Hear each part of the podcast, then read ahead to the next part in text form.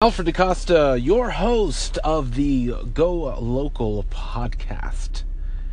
And I am excited to announce that I have another interview coming up very shortly. For those of you who are new to the station, I'd like to explain a little bit of what I do for a living, which allows me the opportunity to go to places I would have never thought to go and speak to people I would have never imagined. All through the mean of going local. So stay tuned. Hey, hey, Alfred DaCosta here, your host of the Go Local podcast. So here it is. This is the reason I sell insurance, which can be daunting depending but the specific area I work in deals with small business. And Colonial Life supports local businesses, along with many others. To make a comparison, our competitor is the duck. And so, what I do is I live in a rural area, Nebraska City, Nebraska, which is also surrounded by other small towns. And because I'm a podcaster, I do more than just sell insurance. I have a passion for people. So I'll find that I'll go into a business and speak nothing of insurance because the stories, the the flavors, the smells, the touches, the looks, I mean it's just this place is dripping with that appeal and that local appeal. And coming up next I'll describe to you which city I've gone to and this interview I'm super excited about. Stay tuned. Hello again, friends. Do you go low? Do you go local? Do you go to the stores that you go to all the time? Um, your local um, Kroger or Dillon's or Super Saver or Walmart. Have you ever thought to go local.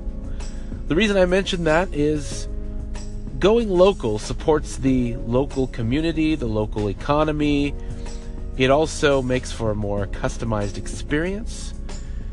And I have to give a big up to those small businesses that have the courage to step out in order to grow their community. People usually go to where the money is at and this place that I have found here in Weeping Water, Nebraska, a place I would have never come to, is a place where that is happening right now.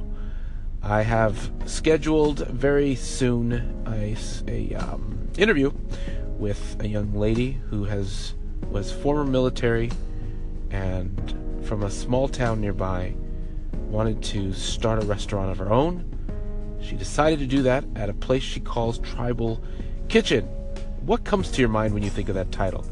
You'll have to stay tuned for the interview because some of the ways people come up with the names of the places that they have built from the ground up is unusual, exciting, eccentric, interesting, fascinating, and any other adjective you can imagine.